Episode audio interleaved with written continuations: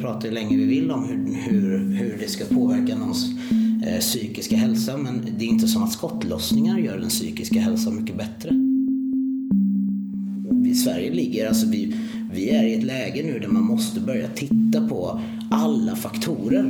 Du kan inte blunda för den här faktorn. Att vi börjar fostra liksom, våra medborgare i den sanna bilden av det och de medicinska aspekterna, det är verkligen nummer ett. Han är rapartisten som fick ett stort genombrott med sin succétolkning av Cornelis Vreeswijks Jag hade en gång en båt i tv-programmet Lyckliga Gatan 2015. Idag 7 juni 2019 släpper han låten Min Ganja. Ali One har skrivit musik sedan han var 10 och brukat cannabis sedan han var 16.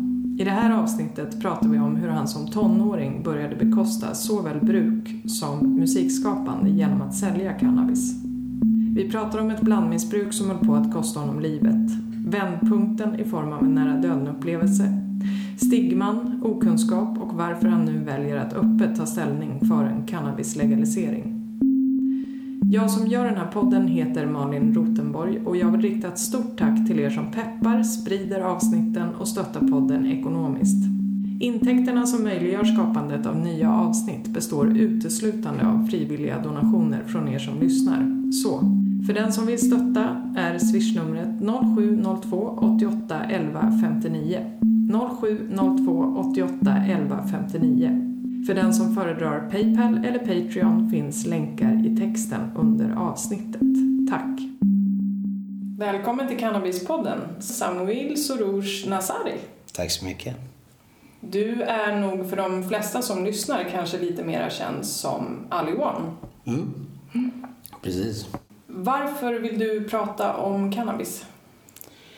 Jo, cannabis har ju varit en, eh, den har varit en, en ganska aktiv del av mitt liv. Liksom. I alla fall en stor del av, halva, halva mitt liv har det väl varit i mitt liv, ska jag väl säga. Eh, och har haft eh, väldigt mycket positiva effekter och så, men på grund av externa orsaker så, så kan det också ha funnits negativa och så vidare.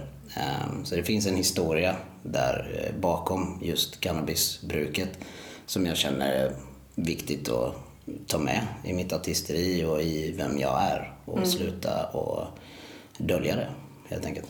Mm.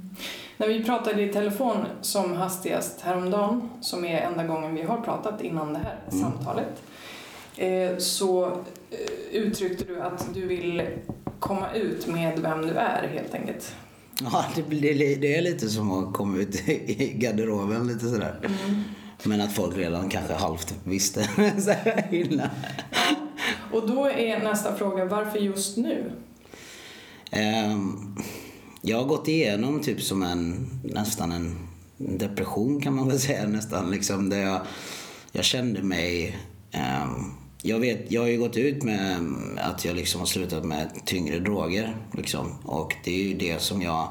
Det har varit svårt att eh, vara klar med det, liksom, vad jag ser som droger och inte. Liksom. Men allt annat än cannabis i stort sett är ju det som jag har varit ute med och snackat om. Men just cannabis har jag aldrig fått liksom, adressera. För just där sitter jag liksom till exempel på Malou eller typ har varit med i produktioner som Melodifestivalen som är väldigt liksom alla ganska PK liksom, väldigt PK.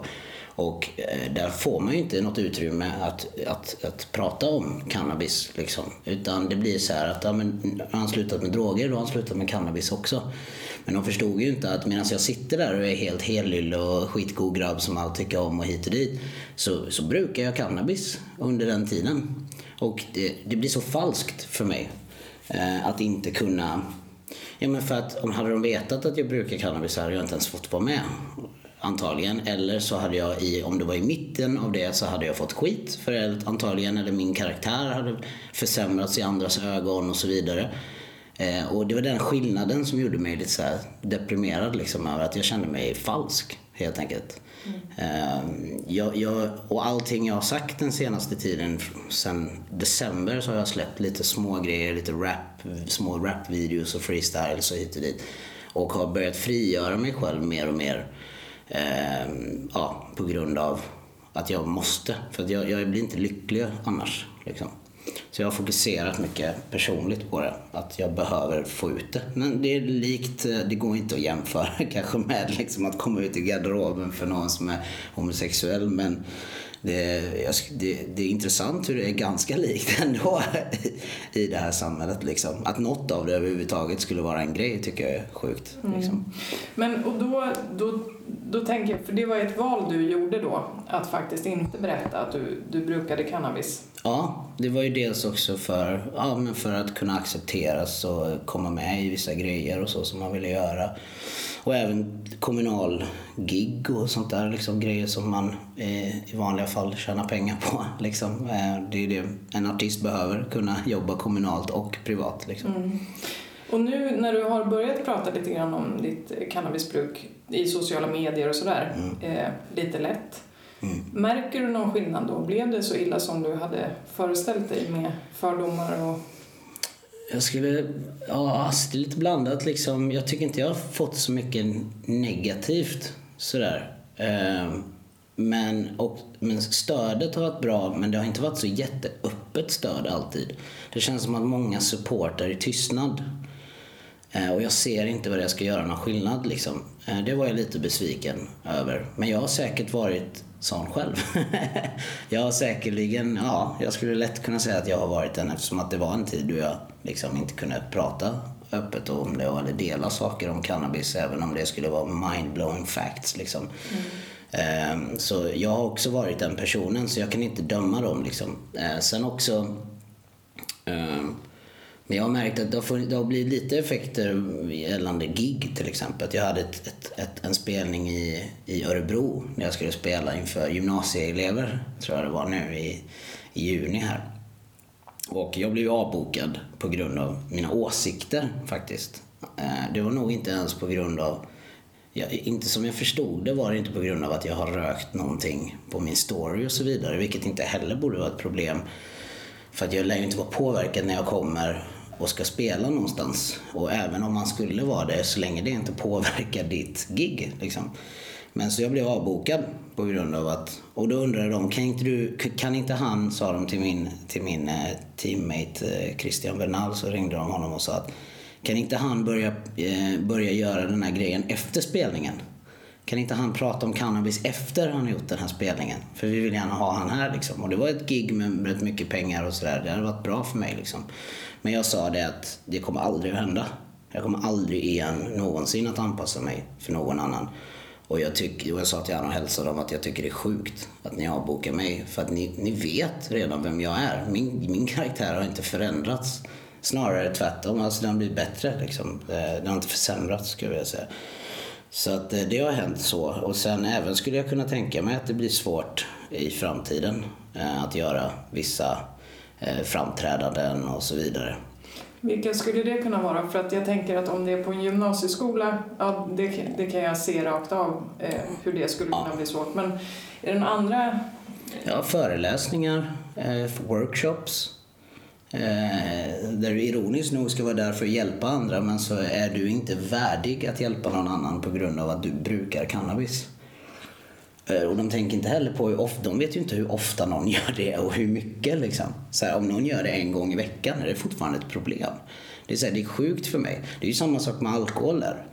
Om du ser någon full varje dag, självklart förstår du att den personen kanske är liksom inte... Och om du ser att den personen inte kan föra sig så är det ju eh, en självklarhet. Men på en cannabisrökare så märker du oftast inte ens att den är en brukare. För om den gör det så ofta så är det för att den antagligen behöver göra det för att fungera.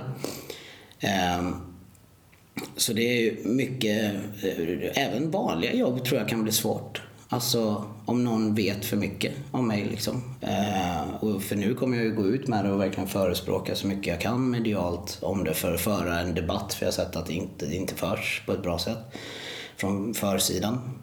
Eh, men, men det är också det här med eh, jag tänkte på det här med att det finns en annan sida till det dock. Alltså förutom att jag har mycket jag förlorar så finns det säkerligen saker jag vinner också.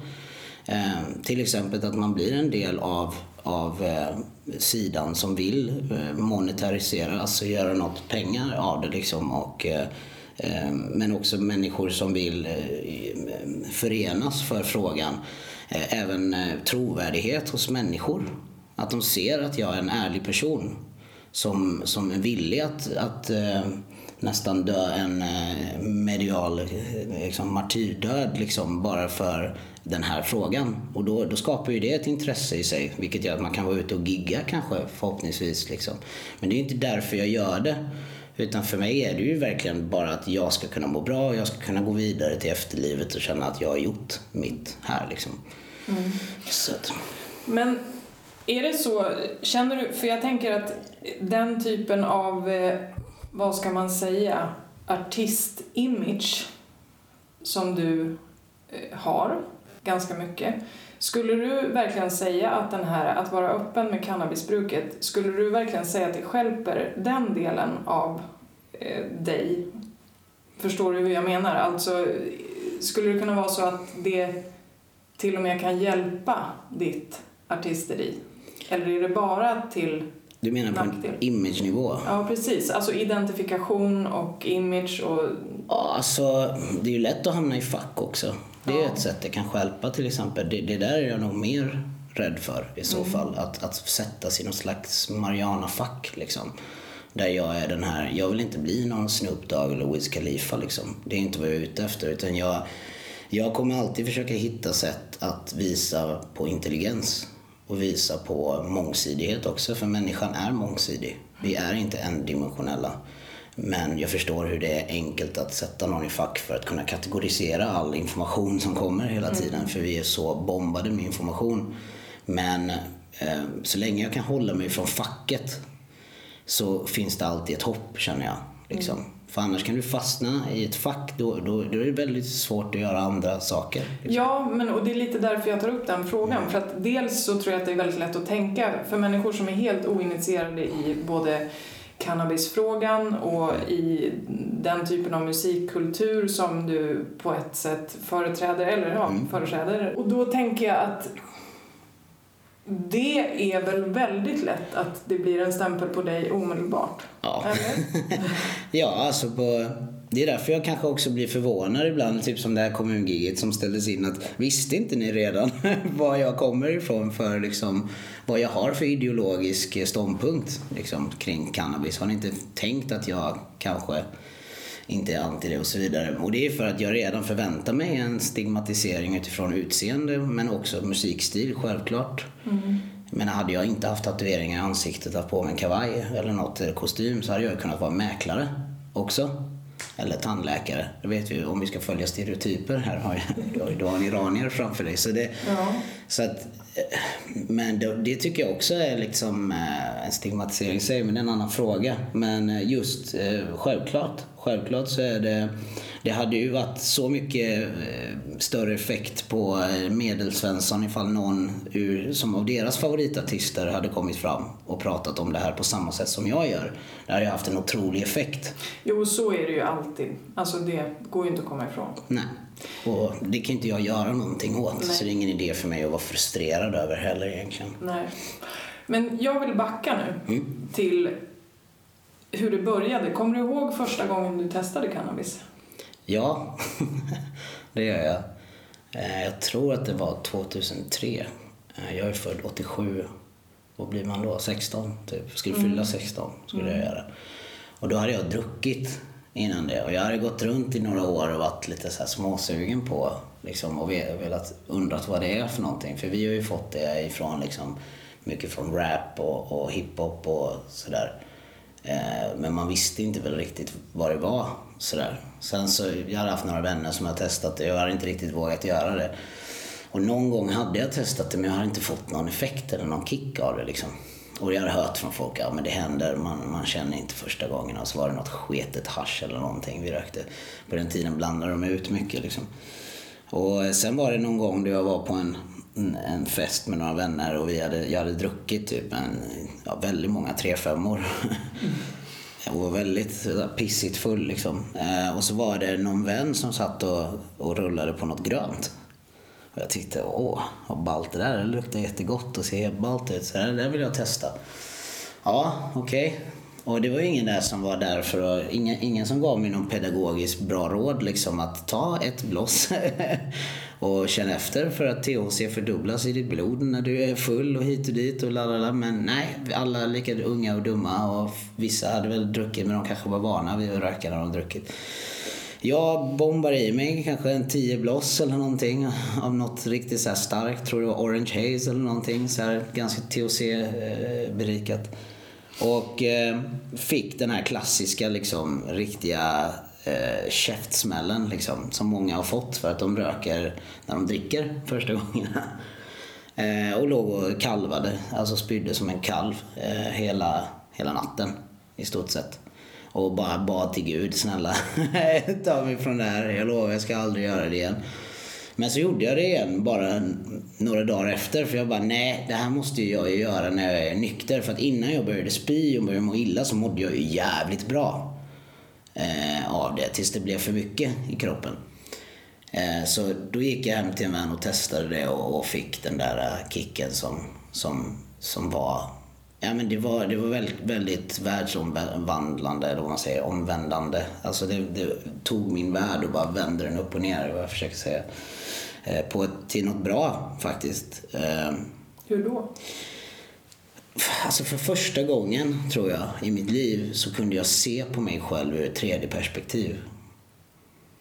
Och det, det var del, både skrämmande men också väldigt befriande liksom, på något sätt. Eh, det gav mig hopp om att man, jag kanske kan förändras. Liksom. Jag tror att jag alltid har haft, varit medveten om att jag har personlighetsdrag som inte alltid fungerar med andra. Till exempel som barn så hade jag, jag var väldigt egen. Eh, och väldigt, jag växte ju upp utan syskon också, det kan ju vara en del av det, att man alltid har den här spacen liksom. Och den var jag väldigt mån om att ha. Vilket gör att det var svårt att kanske connecta med andra barn och sådär. Och jag var väldigt osäker på mig själv. Jätte, jätteosäker. Ehm, jag, jag saknade min pappa som inte var en del av mitt liv och eh, på grund av en skilsmässa som var lite nasty. Och, och eh, jag hade liksom ingen plats. Liksom. Så, och jag var väldigt, jag hade ilskeproblem också. Eh, alltså damp damplack, nästan dampaktiga. Liksom, så, här, så att jag kunde bli arg och lätt, jag var väldigt lättkränkt. Liksom. Och alla de här sidorna blev jag konfronterad med alltid när jag rökte. I mig själv, med min egna röst. Ibland kanske andra röster kände jag, men det, det kom inifrån. Liksom. Det kändes verkligen som att jag fick en chans att verkligen prata med mig själv för första gången. Men sen så finns det ju så mycket andra sidor till det som, eh, som jag tycker förstör den upplevelsen. Och det är kriminaliseringen av det. Som blev ganska tidigt någonting. Eh, jag kriminaliserades inte men jag eh, blev i alla fall, eh, vad ska man säga, socialiserad med socialtjänsten. när, när var det första gången? Det var, som tur var så hade jag varit att min mamma var i kontakt med dem över det här. Hon ansåg att jag, för jag började sälja väldigt tidigt också. Mm, ja, var inte det också när du var 16? Jo, det var runt den tiden när jag började med det. Och jag minns att jag fattade direkt hur man kan fixa gratis genom att sälja helt enkelt. För jag hade inte pengarna att lägga ut på det. Så jag ville kunna röka gratis. Så det var så det började. Och också att jag hade karriärsmål och så här, ville släppa en skiva och så vidare. Så jag behövde pengar liksom. Um, är vi i Jönköping nu? I Jönköping var vi då. Mm. Och jag, jag minns att jag sålde en hel del för att vara den tiden så var det väldigt bra. Det var väldigt ovanligt att se någon i min ålder hålla på på den nivån. Och eh, på grund av det, bland annat, hon visste nog inte hela den aspekten men hon visste att jag rökte mycket och varje dag. Så hon började ta mig till en eh, till liksom, vad säger man, som i, som i Stockholm med Maria, Mini-Maria ja. eller sådär. Någon, jag vet inte vad det kallas rent så fackligt men där går man i alla fall och pissar och eh, får massa information då. Mm. Eh, mycket antipropaganda mm. eh, mot cannabis och så vidare. Men man är egentligen inte direkt i... De säger att man inte är kopplad till socialen liksom, på grund av det. Men min journal var ju klar på socialen. Liksom. De väntade ju bara på att jag skulle fucka upp där. Men hade det inte varit... Jag kom och lämnade mycket positiva och även negativa ibland pisseprov och så. Jag var där under ganska lång tid. när jag var 16 så här. Och jag minns att jag, eh, jag gick aldrig på det de satt och sa till mig. Och de kände att jag inte var samarbetsvillig och sådär. Jag riskerade LVU mycket på grund av det. Men mamma var ju så, eh, hon trodde inte på det, LVU. Utan hon ville ta tag i det här tillsammans med dem i samarbete istället. Och att hon har kontrollen. Ehm, så, och det är jag tacksam för idag, att hon gjorde det valet. För annars hade jag ju varit en av de här LVU-barnen som många, vissa av mina vänner var. Mm, vad betyder LVU? LVU är lagen om vård av unga. Mm. Eh, att man på grund av typ ett sånt, ett, det kan faktiskt vara ett levande som är utan droger, mm. som är destruktivt, säger vi enligt dem, så kan du bli placerad. Mm. Eh, och min mamma ville inte det så att eh, vi fortsatte gå där och sådär. Eh, och eh, det gjorde väl väldigt lite effekt. Visst, visste hon om att det ändå stämde att du både brukade och sålde cannabis? Sålde är jag osäker på om man visste vid det tillfället då, under den tiden när jag var 16. Men röka, ja. Och jag var också ganska, ganska öppen med det ändå. Jag, för jag kände ganska tidigt det jag känner idag. Liksom, Eh, att det är en kamp för en rättvisa. Jag såg det ologiska i kriminaliseringen och jag tittade väldigt tidigt på dokumentärer och, och, och pratade med äldre rökare väldigt mycket för att jag liksom hämtade av sådana som var väldigt insatta och odlade mycket och så vidare. Så eh, fick jag väldigt mycket information väldigt tidigt om den politiska aspekten av det och allting. Så jag var väldigt väl medveten om det när jag satt och blev matad med antipropagandor av någon Leffe eller någon som sitter där och ska förklara för mig hur det påverkar din hjärna och hit och dit. Å andra sidan så tycker jag inte att man ska börja så tidigt nu i efterhand. De hade nog vissa poäng med att när du är i utvecklingsfas så kan faktiskt eh, rökning på grund av tobaken är det ju, eh, göra en hel del. Liksom. Men inte bara på grund av tobaken väl? För det är ju även så att... Eh, alltså... Jo, och hjärnan kan jag tänka mig. Alltså vissa eh, sätt du, alltså din hjärna behöver utvecklas. Ja, precis. Och den ska inte ha någon, eh, det ska egentligen inte, ingenting ska få lägga sig i den processen. Nej. Egentligen. Nej. Så att där är jag med. Um, mm. Så för mig var det väl mer, alltså, så jag, för mig var det väl mer, um, det var lite ett undantag kände jag för min del för att jag liksom kände verkligen att jag behövde det psykiskt. Och det enda som verkligen på, det enda som var negativt med det var kriminaliseringen i sig. Att jag var, att jag var marginaliserad på grund av att jag brukar och att jag var rädd för polisen, för socialtjänstemän. Jag var rädd för att bli tagen av min mamma och sådär. Eh, och det var en, en, tid jag även inte fick bo hemma till och med. På, av min mamma liksom. På grund av det. Lite senare då. Men du var ju inte tillräckligt rädd för att skita i det. Utan du fortsatte ju. Nej, ja, det är rätt sjukt egentligen. Men det är ju just det för att jag vet, jag visste att det inte var typ rätt på något sätt. Jag tror det blir en trotsig grej också. Mm. Jag är ju en sån som står upp för sanning. Jag gillar att prata sanning framför lögn. Så det är nog det. Mm. Vad hände sen då? För att du har ju även hamnat i tyngre bruk. Mm. När hände det? Alltså det började väl lite smått. Alltså, det, det började väl i och för sig jag såg inte kanske cannabis som den enda, liksom, eh, den, enda kryddan i mitt liv. Liksom, utan jag ville ju testa det mesta som man pratar om och hör om och sådär. Det var ju ecstasy bland annat. Det sålde jag också under en, en viss tid och det var också för att ha gratis ecstasy. Men också att jag testade amfetamin. Jag testade opiater, typ som, och syntetiska som Subutex till exempel. Och och eh, sån här tramadol-liknande på den tiden, hette något annat. Eh, jag testade, ja men eh, försökte i alla fall eh, just på e, ecstasy var, var för mig en, eh, det utvecklade mig också. Men det gjorde väldigt mycket skada kände jag i hjärnan liksom. Det var någonting med mina endorfiner som fuckades upp av för mycket ecstasy liksom. Så det, det funkar inte heller i längden. Men eh, jag var ju ständigt spirituellt sökande tror jag. Det är nog därför som jag gick runt till olika upplevelser och droger. Jag tror att jag sökte någonting som är utanför den här världen och vardagen. Liksom, helt enkelt. Eh, och därför så är man, vill man det tillräckligt så är man nog inte rädd för konsekvenser lika mycket. Och det kan nog förklara varför jag har testat det mesta. Jag har aldrig testat syra och heroin. Det har jag aldrig testat.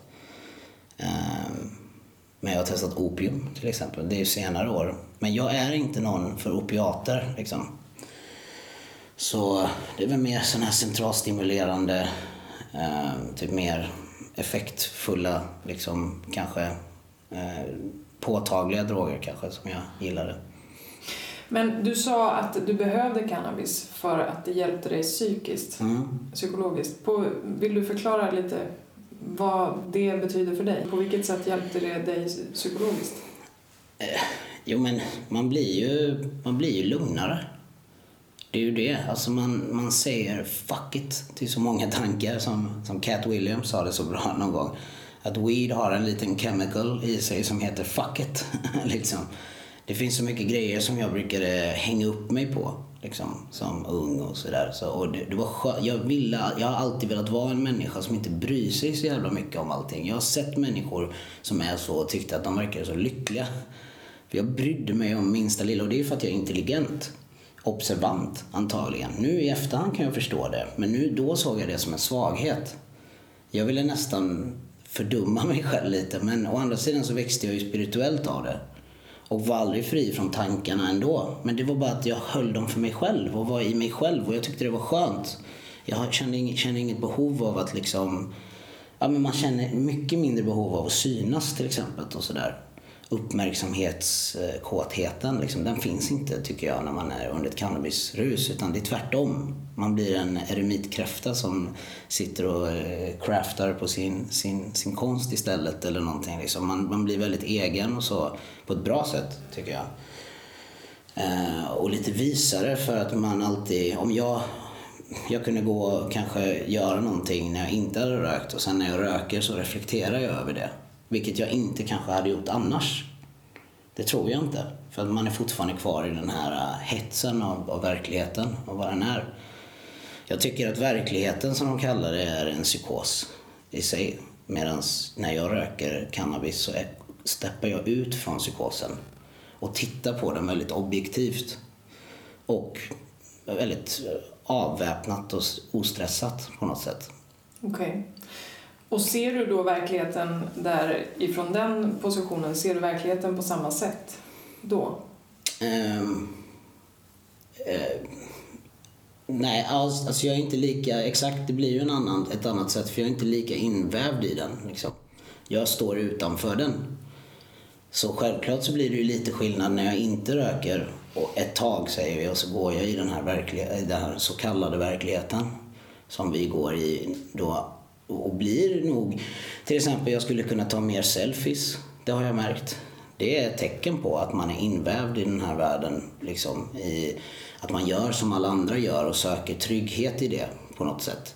För det har vi gjort sedan vi var barn. Det ligger i oss så här att vi, vi på grund av rädsla antagligen, det är egobaserat tror jag, så gör man vad alla andra gör för att vara en del av det. Och så blir du trygg för att du ser att människor, de gör ju det och de andas och de lever så då gör jag det också. Och det härstammar ju från barndomen. Men någon gång får man ju komma från barndomen och börja tänka, se det vuxet liksom.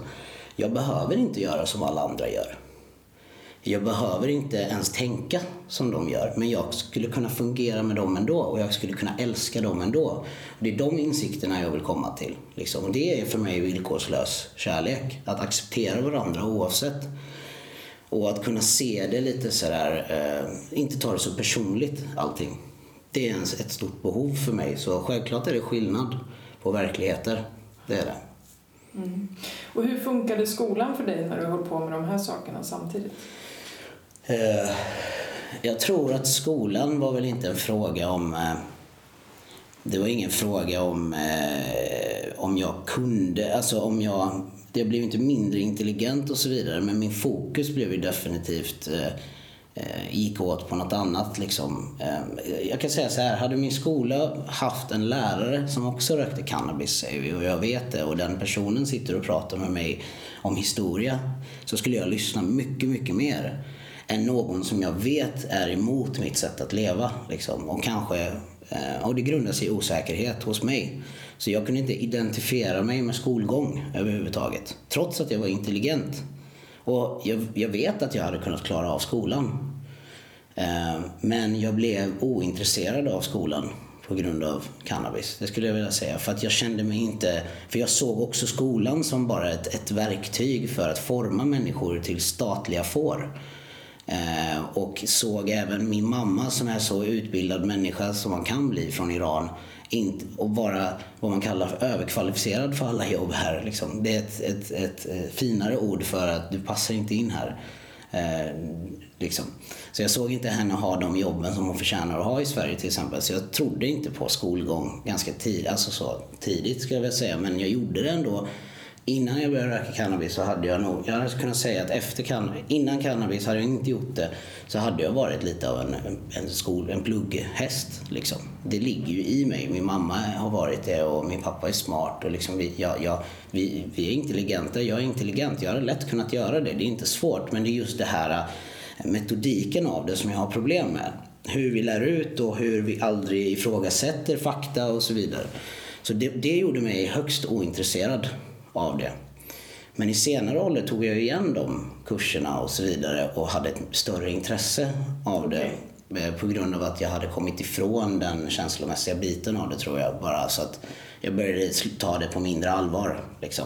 Ja, men det är bara en kurs, gör den bara. Det, jag, jag vet att det här är dumt, jag vet att det här Men ta ut det bästa ur det in till dig och gör bara resten.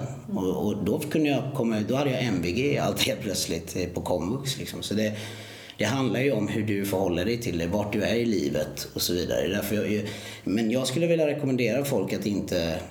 Alltså om, jag, jag har sett vänner till exempel jag har två vänner som har, går på läkare, eller har gått på läkarutbildningen. Och jag hängde med dem då. Och de har inte rökt någon cannabis fram tills dess. Då de kanske började när de var 21 på den utbildningen eller något sånt där.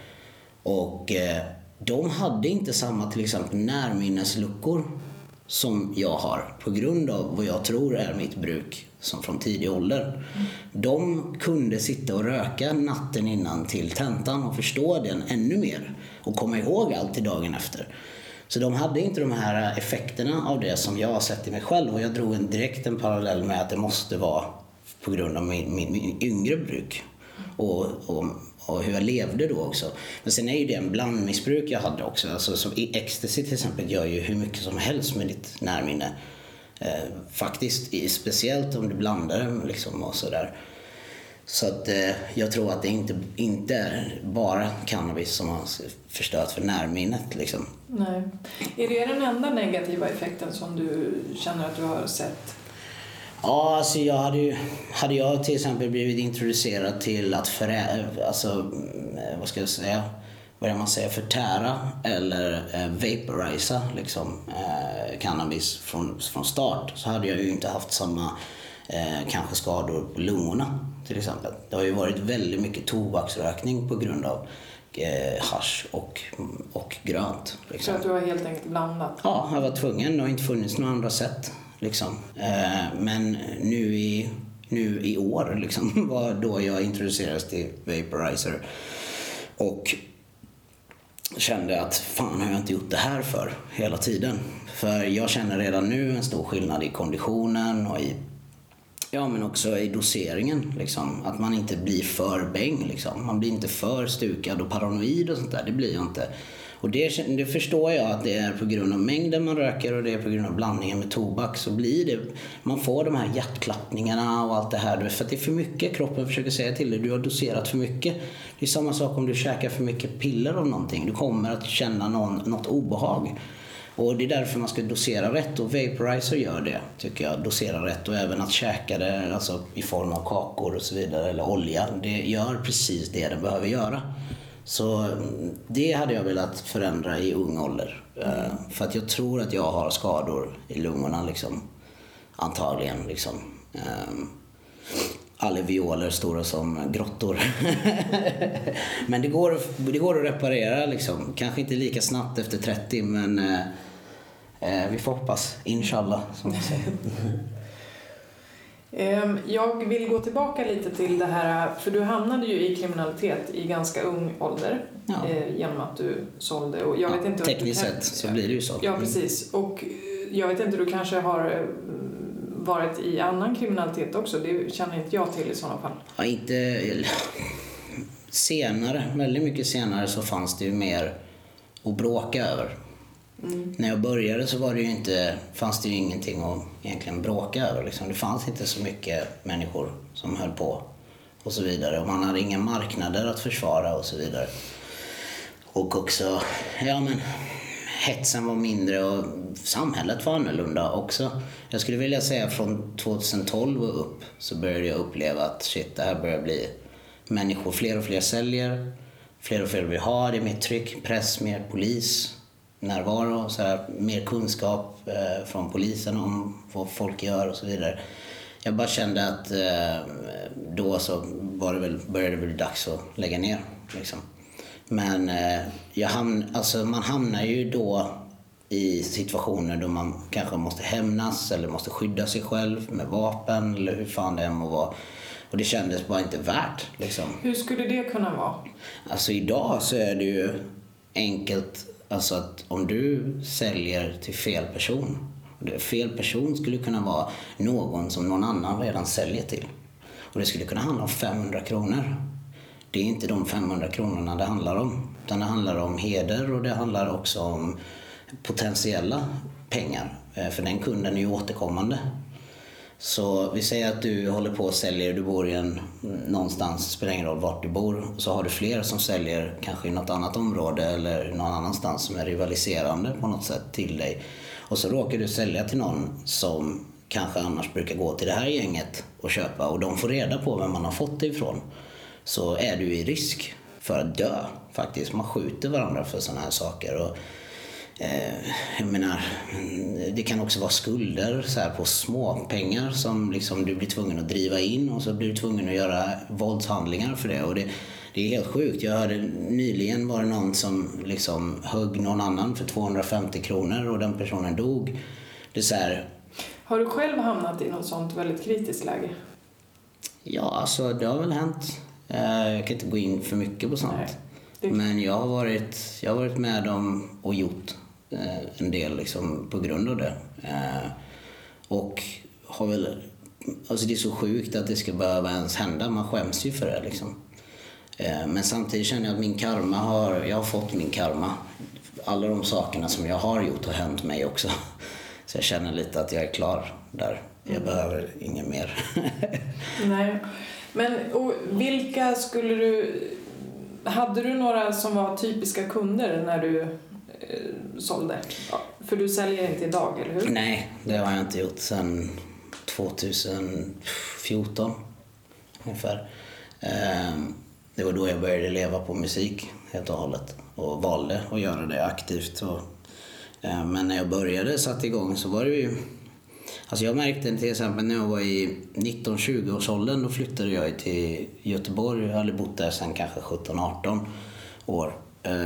Och då började jag utveckla min kundkrets mycket mer. Jag hade många fler kunder och jag, jag, jag lärde mig av en, en annan kille som sålde mycket i Göteborg. Som, som sa till mig att håll dig inne i stan och sälj bara till svenskarna. Jag bara, vad menar du? Han bara, sälj bara till sådana som är svenskar eller beter sig som svenskar. Jag bara, ha. Och jag märkte att det fanns ju ett tryck från förorterna liksom. Alltså alla grabbar som var ute i orterna liksom som säg Bergsjön eller Angered, Biskop och sådär. De hade inte lika mycket, idag är det ju där som själva Alltså sen, sen, det är där som tillförseln liksom börjar idag. Det är liksom källan idag. Men på den tiden så var det inte, fanns ingen organisation på det sättet.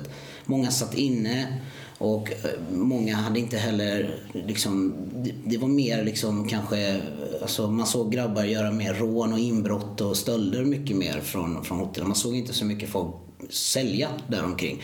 Så om du stötte på någon som var där så fanns det också en stor risk att du blir rånad också och sådana här grejer. Så det var mycket svenskar liksom. Faktiskt helt vanliga många också så, som man inte tror röker och så vidare. Men det var ju all... men självklart så kunde jag sälja till folk från orterna med. Det handlar ju helt om person. Liksom. Men han killen som gav mig rådet sa det här att du ska bara sälja till svenskarna. Men jag sålde till alla liksom. Men jag försökte att på något sätt eh, hålla mig ifrån eh, jobbiga personer. Men det kunde också vara liksom, vissa roliga yrkesgrupper var ju typ strippor till exempel. Strippor brukade komma, eh, några stycken jag hade som, som jobbade på strippklubbarna i Göteborg som brukade komma och hämta och så. Och det var en intressant så här, yrkesgrupp för de, de, har ju, de jobbar ju hårt. och de kommer på en söndag klockan sen 10 på morgonen och kör typ 20 gram och drar iväg en vecka och sen jobbar de igen. Och, nej men det, var, det, kunde, det kunde vara lite blandat. Men det var mest inne i stan i Göteborg. Sådär. Mm. Ehm, och du slutade sälja 2014. Och sen under hela den här tiden så har ju du hållit på med musiken. Mm. Och när skulle du säga att du hade ditt genombrott? Ja, alltså... Inte haft den kanske? ja, man är ju aldrig nöjd. Eh, men eh, alltså rent utåt sett så är det ju genombrottet med Lyckliga Gatan 2015 då eh, jag släppte Båten, som jag kallar den. Mm. Eh, jag hade en gång en båt. Låten där var ett eh, stor genomslagskraft liksom och hamnade på eh, högt upp på singellistan. Var väl etta snabbis också. Där spelades jättemycket på radio och hit och dit. Eh, men jag har egentligen alltid haft en genomslagskraft i allt jag har släppt. Liksom. Jag har alltid byggt nytt följe med det jag släpper. Så eh, men det där var väl det man brukar se i sina drömmar. Ska jag väl säga. Och sen var ju Melodifestivalen 2017. Mm. Men det är en jävla resa innan det ska jag säga. Det här med, jag nämnde precis att det var som ur dina drömmar. Men när jag väl hade nått min dröm 2015 så var ju inte det, det kändes ju inte som jag trodde att det skulle kännas. Jag trodde att jag skulle vara klar med mitt gamla liv. Liksom.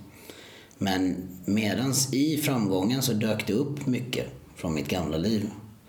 Och jag var så osäker på mig själv då fortfarande att jag agerade liksom mycket eh, på människor som ville mig något. Så konfronterade jag mycket. Så jag hamnade i situationer hela tiden. Eh, jag förstår inte.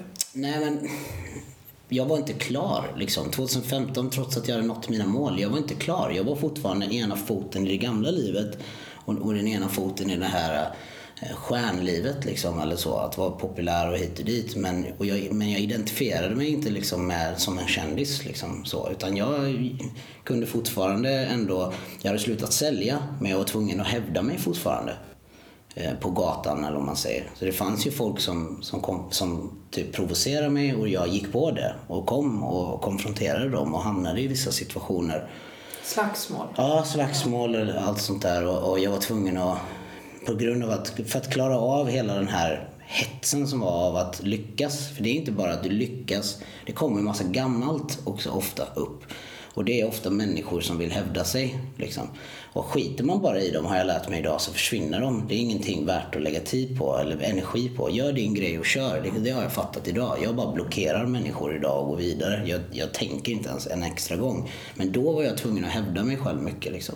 Men också att jag hamnade i på grund av det så var jag tvungen att käka typ habbar mycket och dra mycket uppåt för att orka. Liksom. Spelningar speciellt minns jag att jag drog mycket kokain, amfetamin och, och sen lugnade ner det med bensodiazepiner, habbar då. Alltså det är vad jag menar. Och eh, då, då blir det ju en jävla röra. Och det hamnar, jag hamnar i situationer som jag inte ska vara i. Ibland kan det vara att du är på fel plats vid fel tillfälle blir, blir misstänkt för någonting. Eh, jag var, jag var häktad mitt i min liksom, breakout-turné. Liksom. Den turnén jag skulle ha efter att jag hade blivit blowat. Liksom. Mitt i den turnén så häktades jag och var misstänkt för grov misshandel under en månads tid. Men de hade ju liksom inga bevis eller någonting så jag släpptes. Men, eh, men det, liksom, det, det där förstörde jättemycket. Så jag, jag, jag trodde liksom hela mitt liv att när jag når den här punkten så kommer ju hela mitt liv se annorlunda ut. Jag såg mig själv lycklig i en fet lägenhet med, med du vet, allting är lyckligt, allt är bra. Men allting var verkligen skit. Liksom. Jag hade inte fokuserat på mitt liv överhuvudtaget. Jag hade bara fokuserat på min karriär, märkte jag. Eh, och det kommer jag att lära mig senare, att det har en relation. Att om du har ett bra liv så har du en bra karriär. Jag trodde att det var tvärtom. Mm. Jag trodde att för att ha en bra karriär så måste du ha ett fucked up också liv. Liksom. Alltså, du kan inte ha båda två. Det blir tråkigt, det blir mellanmjölk. Du måste lida. Jag är så melankoliskt lagd, liksom, i alla fall då. Så att, eh, att mitt genombrott, det var ju, det var ju ett, ett fall. Var det ju, för mig. Ett stort fall. Och det var ju en uppförsbacke efter det, eh, karriärsmässigt. Och, eh, på grund av situationerna som sen ja, på, på, grund av att man, du bränner ju många broar när du inte dyker upp på spelningar och såna här grejer. Och skivbolag må tycka att det är coolt att signa en artist som har det struligt. Men när det blir lite för struligt så är det inte så jävla coolt längre. Liksom. Och människor vill inte ens ta i dig med tång liksom, om du gör för mycket, om du är för flippad. Om du... För jag drog ju runt på turné och säkert lämnat skitdåliga första intryck om jag har varit påverkad av grejer och jag var liksom egofylld. Liksom. Jag, jag har ju tappat vem jag är helt och hållet. Liksom, den här killen som har kämpat med musik sedan han var 9-10 år gammal och alla de målen och drömmarna om, som jag hade om vem jag ska vara. Liksom. Det där var ju som bortblåst när jag väl var där. Så jag var ju högst väldigt olycklig.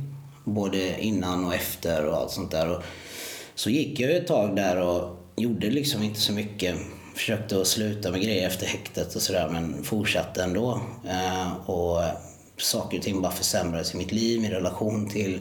Jag har en son som är sju år idag men då var han mindre. Då hade han fyllt tre precis och hade en skitdålig relation till hans mamma. Och allting var ju, för jag var så egofylld liksom. Alltså, jag var tvungen att konfrontera mycket saker då på den tiden alltid. Och jag var ganska provokativ tror jag. Eh, men sen 2016 så hände en grej med mig spirituellt eh, och kroppsligt och, och psykiskt som, som gjorde att jag slutade med, med eh, det här blandmissbruket då. Och även cannabis ett tag bara för att komma tillbaka till mig själv på något sätt. Och det var att jag hade gått på bensodiazepiner ett bra tag, 2016, sommaren. Och så var det någon gång i sommaren där som jag bestämde mig för att nej, jag ska bara sluta utan att trappa ner. Och att göra det är ju, är ju farligt för att när du har käkat benzo under ett tag så måste du trappa ner för att det blir likt som för en heroinist nästan. Att eh, din kropp måste ha det här och den blir sjuk och den kan, den kan dö. Alltså ditt hjärta kan stanna för att det är för mycket press. Och jag har ju gått med blandmissbruk i så många år så jag tänker, ja men dör jag så dör jag. Och jag tänkte att jag kommer säkert dö. Och jag har ju ändå gått runt hela mitt liv och sagt att jag vill dö, så jag kan lika väl dö liksom. Vem fan bryr sig? Eh, och det var en natt av de nätterna där jag legat i feber i fyra, fyra nätter. Så var det sista natten där till, till eh, femte, dagen, femte dagen kan man säga. Eh, då jag helt plötsligt i min dröm, eller i sömnen på något sätt, stod helt plötsligt utanför min säng och tittar på mig själv. När jag ligger där. Och jag förstår att jag, på något sätt förstår jag att jag är död.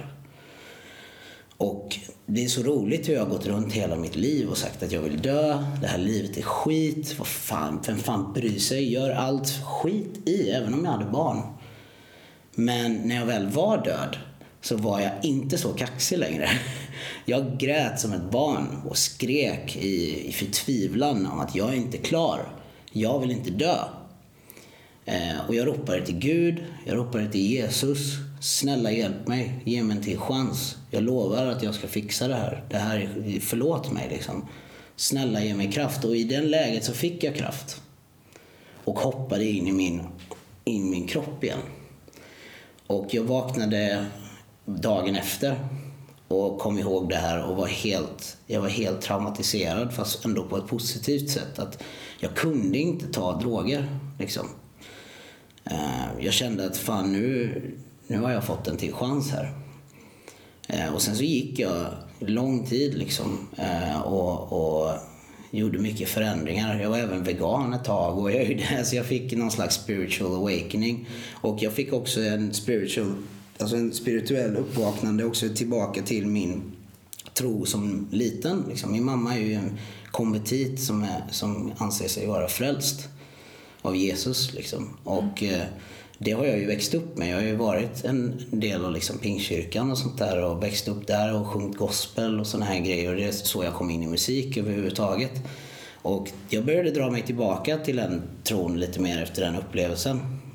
Ehm, och gick ett tag liksom eh, bara försökte väl fortsätta. Jag sökte väl fortfarande trots att jag hade hittat mycket mer nu. Men, och jag, jag, jag brukade inte cannabis eh, just då när jag skulle, eh, när beslutet kom kring mello. Liksom. Men jag hade, gjort, eh, jag hade gjort väldigt mycket kärleksbaserad musik och väldigt så glad och positiv musik hos Masse och dem i Redline Records. Och hade lite låtar där och en av de låtarna hade någon fått nys om från Mello. Liksom.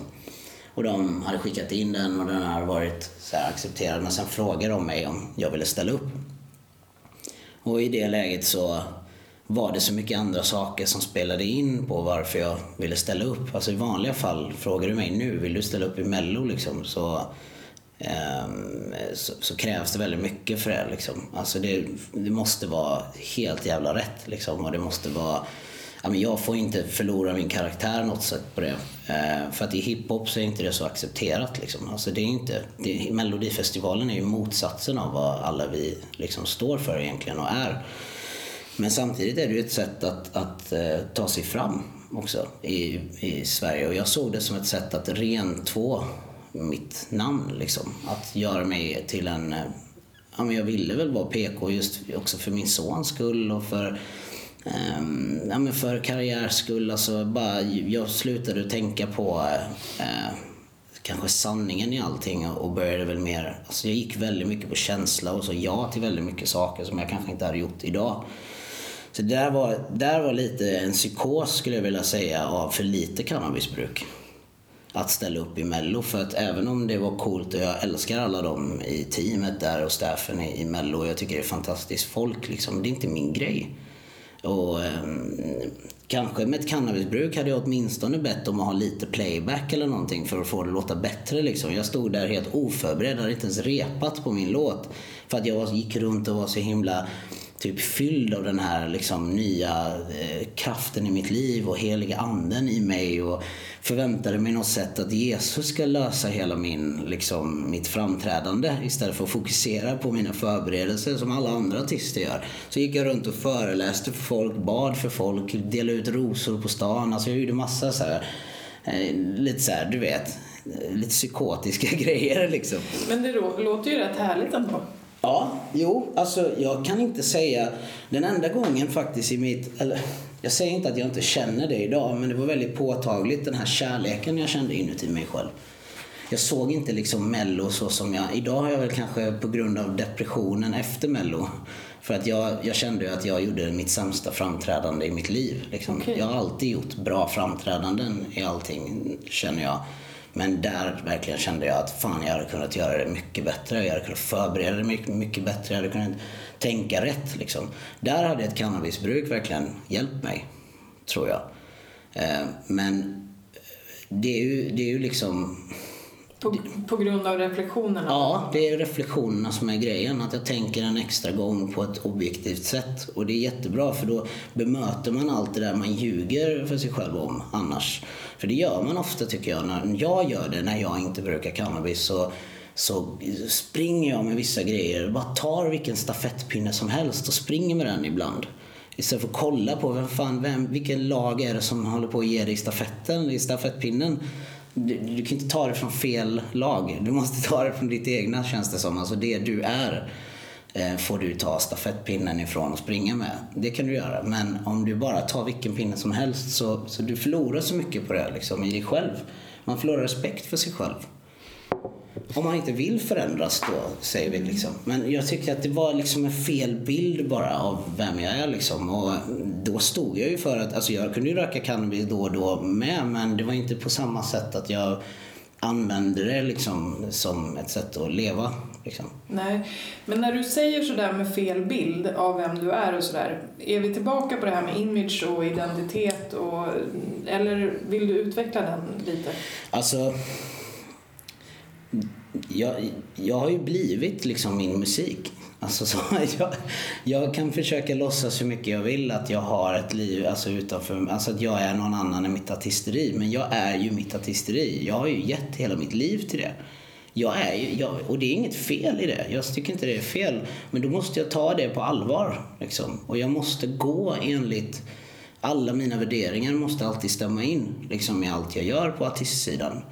Eh, och jag kan inte säga emot mig själv. Och det gör jag när jag till exempel, om jag ska ställa upp med Mello, då är det bäst att jag gör ett fucking bra jobb. Då är det bäst att du vinner skiten med en fet jävla typ jävligt fet låt som alla kan digga liksom. Sådär. Och försök inte anpassa dig till mello och, och så vidare. Och sånt där. Var det det du gjorde? Ja, jag kände lite sådär att jag, jag... Jag var inte true to myself. Jag var inte sann till vem jag är. Jag var inte sann till den soundet jag vill ha eller whatever. Liksom. Det där, den låten var ju mer... Det var typ som 2000-tals R&B slash hiphop rap. Liksom, det fanns en rapvers med, men resten var ju typ sång. Liksom. Jag hade kunnat göra en hel raplåt. Det handlar bara om en fett tema och en fett beat. Liksom. Du hade kunnat gå hur långt som helst och då hade du fortfarande haft respekt för dig själv. Att du inte anpassar dig ens en uns. Det är där respekten jag känner kommer för mig själv och stolthet över mig själv. Och det är därifrån alla de här besluten och orden kommer ifrån nu. Att jag, jag mår skitbra när jag är sann mot mig själv. Och, och må den vara en, en, eh, en grupp som har, vi har samma tanke, okej okay, fine, men det är fortfarande närmare till vad jag känner. Liksom. Eh, så jag, jag måste liksom ställa mig i lag på något sätt för att, eh, för att veta liksom vilka mina värderingar är på något sätt. Liksom. Man, jag, jag, vill gärna inte ha en fot i ena lägret och ett i det andra. Liksom. Nej. Um, du pratade lite snabbt om eh, din son där också. Och ja. Som jag har förstått det så var det så att på grund av mm, ja, ditt drogbruk och den situationen du var i vid något tillfälle så, mm. så kunde du inte träffa din son?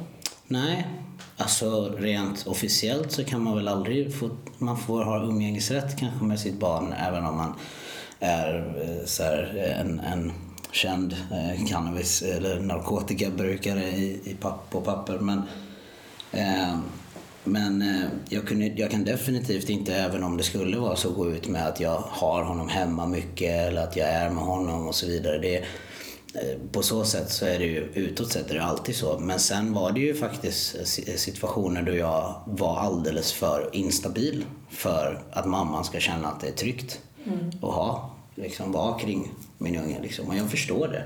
Mm. Nu i efterhand. Då såg jag det som största kränkningen någonsin. För att sanningen är ju att jag aldrig, aldrig skulle bete mig dåligt ändå mot mitt barn. Eh, men då var det ju mycket tjafs liksom, med morsan också och så där. Så det är klart att det känns instabilt. Då känner man ju, okej okay, nu kommer han ta ut det här på barnet mm. om jag ger honom barnet. För att vi bråkar så mycket. Och eh, mycket tack vare min faktiskt min epok av, eh, av eh, helig anden. liksom. Så valde jag och lärde mig att, att välj dina strider. Liksom. Svälj din stolthet. Du, alltså man inser till slut att jag som pappa ska inte ha någon cred. Liksom. Vem har sagt det? Jag har aldrig, aldrig varit med om en pappa som får credden. Liksom.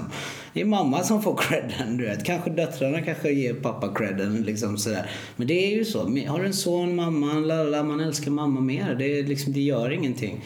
Och visar du på att du är säker i din papparoll, då blir du också älskad lika mycket till slut. Det ska inte finnas den här Ehm, det, ska inte finnas någon vilja av bekräftan från ditt barn. Liksom. Du, kommer inte, du kanske aldrig får det så som du vill ha det från en vuxen människa eller whatever. Du kommer få vänta i många, många år tills att ditt barn säger det exakt det du vill höra. Mm. Nu känner jag att min son gör det redan. Han är fantastisk. Liksom. Han, han är väldigt uttrycksfull känslomässigt. Han är väldigt älsk, alltså han älskar så mycket. Han är så kärleksfull. Så jag kan få det idag. Men då kände jag väl att eh, då fattade inte jag att mamma ska inte heller hålla på och ge mig cred hela tiden. Ge henne cred istället. Du håller på och åker omkring och leker liksom eh, popstjärna eller whatever medan din mamman sliter med de här vardagsgrejerna. Och jag insåg inte verkligen hur mycket hon gör liksom heller förrän jag började släppa på mitt sätt att tänka och började släppa in istället allting, liksom, informationen för vad det är. Och då började jag inse liksom att det inte är värt att tjafsa. Verkligen inte. Än idag så jobbar jag på den biten mm. och, och, tycker det är ett aktivt val man gör i sin egen här, inställning. Mm. Men stämmer det om jag säger att på grund av drogerna så träffade du inte din son under en viss tid? Vissa tider. Ja, det okay. fanns små, alltså det är ju från, fram och tillbaka det där. Mm. Det fanns en tid till exempel 2013 då jag inte ens trodde att jag någonsin skulle få träffa honom igen. För jag tog alltid hennes ord på allvar om att du kommer aldrig få se din son och, och körde lite på det ibland. Så.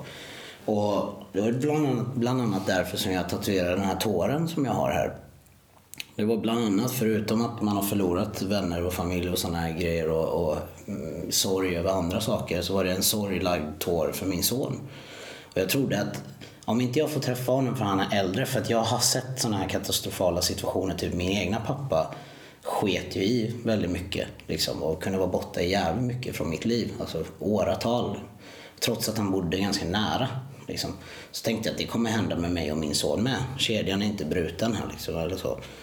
Eh, så jag sa att när han blir äldre, då ska han, om han frågar mig om jag älskar honom, om jag, liksom, om jag har valt allt det här själv, så skulle jag visa honom den här tåren och säga att varje gång jag ler så glömmer jag inte alla tårar som jag har eh, gråtit för dig. Det här är en permanent tår jag har för dig. Eh, så att det har definitivt funnits situationer då jag har trott att jag inte kommer få träffa mitt barn igen. Mm. På grund av, och det gjorde mig bara ännu mer deprimerad och ännu mer vilja att dö och så vidare och ta mer droger. Liksom. Men i samband med att du började prata, eller du, jag har ju inte hört jättemånga intervjuer med dig. Nej, därför det, det finns precis. inte så många. Nej, det där är nog... Men det finns en grej som jag har sett bland annat, det är ju då när, när du är hos Malou. Ja. Och då, det är då du nämner det här med att eh, du har slutat med droger mm. eh, för att du vill ha närheten till din son. Mm. Då. Mm. Så det var därför min fråga kom. Mm, och okay. eh, Det är också därför jag tänker att Känner du att det finns någon risk med att du pratar så öppet nu om till exempel cannabis? Ja. Med tanke på allt? Ja, All... alltså jag är, som, jag är turen att jag inte har vårdnad över mitt barn. Så de, det finns ingen som kan säga till mig att jag, eh, att jag på något sätt påverkar mitt barn eh, ens, vare sig positivt eller negativt på grund av cannabis. För det finns ingenting som säger att jag sysslar med cannabis när jag har mitt barn. För att det är på en umgängesnivå. Liksom. Eh, och eh, när jag, sa, jag var ju helt ärlig förut när jag sa att jag har slutat med droger för jag anser inte att cannabis är en drog. Utan jag har slutat med droger men jag har inte slutat, jag har inte slutat med cannabis helt och hållet då. Självklart så eh, när man har mycket att göra och är ute på PR-rundor liksom, kring sin musik så är det klart att man inte röker. Liksom. Alltså jag gör inte alltid det. Liksom, så. Alltså jag behöver inte röka jämt. Men under de tiderna jag har sagt att jag har slutat med droger så har jag fortfarande haft cannabis i mitt liv. Jag har haft människor som brukar cannabis runt mig och det har aldrig varit några problem. Eh, men självklart så blir det ett problem när du går ut med den här delen då. Mm. Eh, skulle kunna vara potentiellt sett. Jag, skulle, jag är inte förvånad om en orosanmälan skickas i det här nu. Liksom. Det, men det händer ju jämt om du är en offentlig person. Mm. Du kommer alltid få den skiten. För Sverige så sitter, I Sverige så sitter man och golar ner varandra liksom, till SOS liksom, och gör anonyma jag har varit med om jättemånga orosanmälningar till min mamman till mitt barn på grund av mig. Och jag förstår inte, för det är för att de tror att vi bor ihop. Liksom, eller något. Det är så dum... Ja. Så socialtjänsten har ju fattat det vid det här laget. Alltså, det finns inga problem egentligen med ungen och sådär. Det är ingen idé att ta upp det här ens för att mamman har koll på läget. Mamman tillåter inte pappan att skada barnet. Även om det skulle vara så. Att det finns en chans till det. Så de, jag tror inte att det, det finns någon risk så. Liksom. Nej. Det är om man står och röker fet med sin unge bredvid. Det, är ett fall, det tycker jag inte någon ska göra. Det har jag aldrig gjort. Så att, det är ju samma sak med att dricka med. Jag skulle inte sitta och dricka framför mitt barn. Det är liksom en lätt, alltså en, en öl sådär till maten whatever, fine. Alltså det är skitsamma du vet egentligen. Men att bli typ full eller liksom sådär. Nej, man ska aldrig få ett barn att känna sig som att typ den inte är centrum av, av min attention. Liksom. Jag vill alltid få min son i alla fall känna att han, han är nummer ett. Liksom. Han är den enda jag behöver i den här stunden. Liksom. Mm. Och hur kommer du, tror du, alltså vad vill du berätta för din son om cannabis? Alltså, jag, jag går ju, när det kommer till vad barn ska veta så är det ju att då ska de veta, då ska de se det för vad det är. För barn är väldigt bra på att se saker för vad de är. Och det är att det är en växt som växer och den har gjort det i all tid. Och människan har till och med något i sin kropp som är relativt till den. Alltså vi har, det bevisar alltså på att vi har varit hand i hand med cannabis sedan begynnelsen. Eh, för att det är en del av vår genetik. Endokannabinoidsystemet. Ja, precis. Ja. Och Ehm, och att människor använder det här som dels som medicin men också andra anledningar och, och även om hampa skulle jag vilja gå in på mer och hur det är hållbart och så vidare för naturen och miljön. För att den generationen som kommer upp nu behöver veta det här mer än någon annan generation. De här behöver ta tag i miljön och då kan det vara bra att veta att det finns hampalternativ för till exempel plast, plastflaskor och så vidare. Alltså det, är ju, det är ju revolutionerande för en unge i den åldern att få höra sådana här saker. Nu har inte jag tagit det här snacket med min unge så, men skulle det komma upp så skulle jag ta det för vad det är. Och jag skulle också meddela att man, man bör inte röka det. Alltså visst om din liksom, alltså om han ser att jag gör det och sådär så det är samma sak som när någon röker cigg och säger till sin unge att inte röka det. Liksom. Hur ska man ställa sig där? Mm. Men man måste ju säga det. Liksom. Det här är ett misstag jag har gjort, att jag har liksom varit, blivit beroende av whatever. Eller att det är tobaks, tobaken kanske jag är beroende av. Eller liksom så. Jag känner typ att man ska inte promota liksom, eh, bruket av det utan man ska bara försöka att typ förklara det för vad det är bara. Alltså, själva substansen, själva oljan, vad det har gjort, gör med människor som behöver det och inte lägga upp det som ett sätt du behöver det här. Du borde göra det här, så här, utan försöka istället att jobba upp allt det där runt om som gör att man inte behöver någonting överhuvudtaget, det psykiska. Mm. Om jag behöver cannabis för att vara en bättre person, för att kunna utbilda mitt barn i att vara en bättre person, så, så är det typ som att ja, men det slår ut det dåliga i det, om det nu finns något dåligt från de här som är anti, tycker jag. De borde se avsikten, liksom. Så avsikten är väldigt god när det kommer till barn, men jag anser att de också när de är äldre ska man prata med dem om att inte göra det för tidigt. Utan att det ska finnas en åldersgräns, liksom. Minst 21 skulle jag vilja säga. Så att, eh, och skulle mitt barn vilja bruka cannabis när han är äldre, för då är han inte mitt barn längre. Då är han min vuxna kille liksom. Och då får han göra det, tycker jag, efter en viss ålder. Och eh, då är det viktigt att man utbildar. Om du fick göra någonting annorlunda, om du tittar tillbaka på alltså den tiden från att du var 16 och mm. fram till nu. Finns det några särskilda grejer som du hade önskat hade varit på ett annat sätt? Hade jag växt upp i ett samhälle där, där det var accepterat och sådär så hade jag definitivt mått mycket bättre. Jag hade inte haft samma eh, psykologiska men från att hela tiden vara paranoid över rättsliga saker. Att eh, veta att du inte är accepterad för vad du gör och så vidare. Eh, men också sorten, hur du röker, alltså produkten i sig också. Jag menar förr när jag höll på så var det mycket insmugglad hash som var jävligt blandat och sådär, inte lika bra. Och det fanns inte så mycket, det fanns inget utbud av eh, sorter av cannabis för där handlar det ju också om typ vad som du behöver för vilket syfte. och så vidare. Hade vi levt i ett samhälle där det faktiskt var någon slags eh, statlig eh, kontroll på det liksom, så hade det ju kvalitativt varit mycket bättre. Utan tvekan. Men samtidigt så, och, och samtidigt vet jag inte om jag kanske hade börjat så tidigt heller.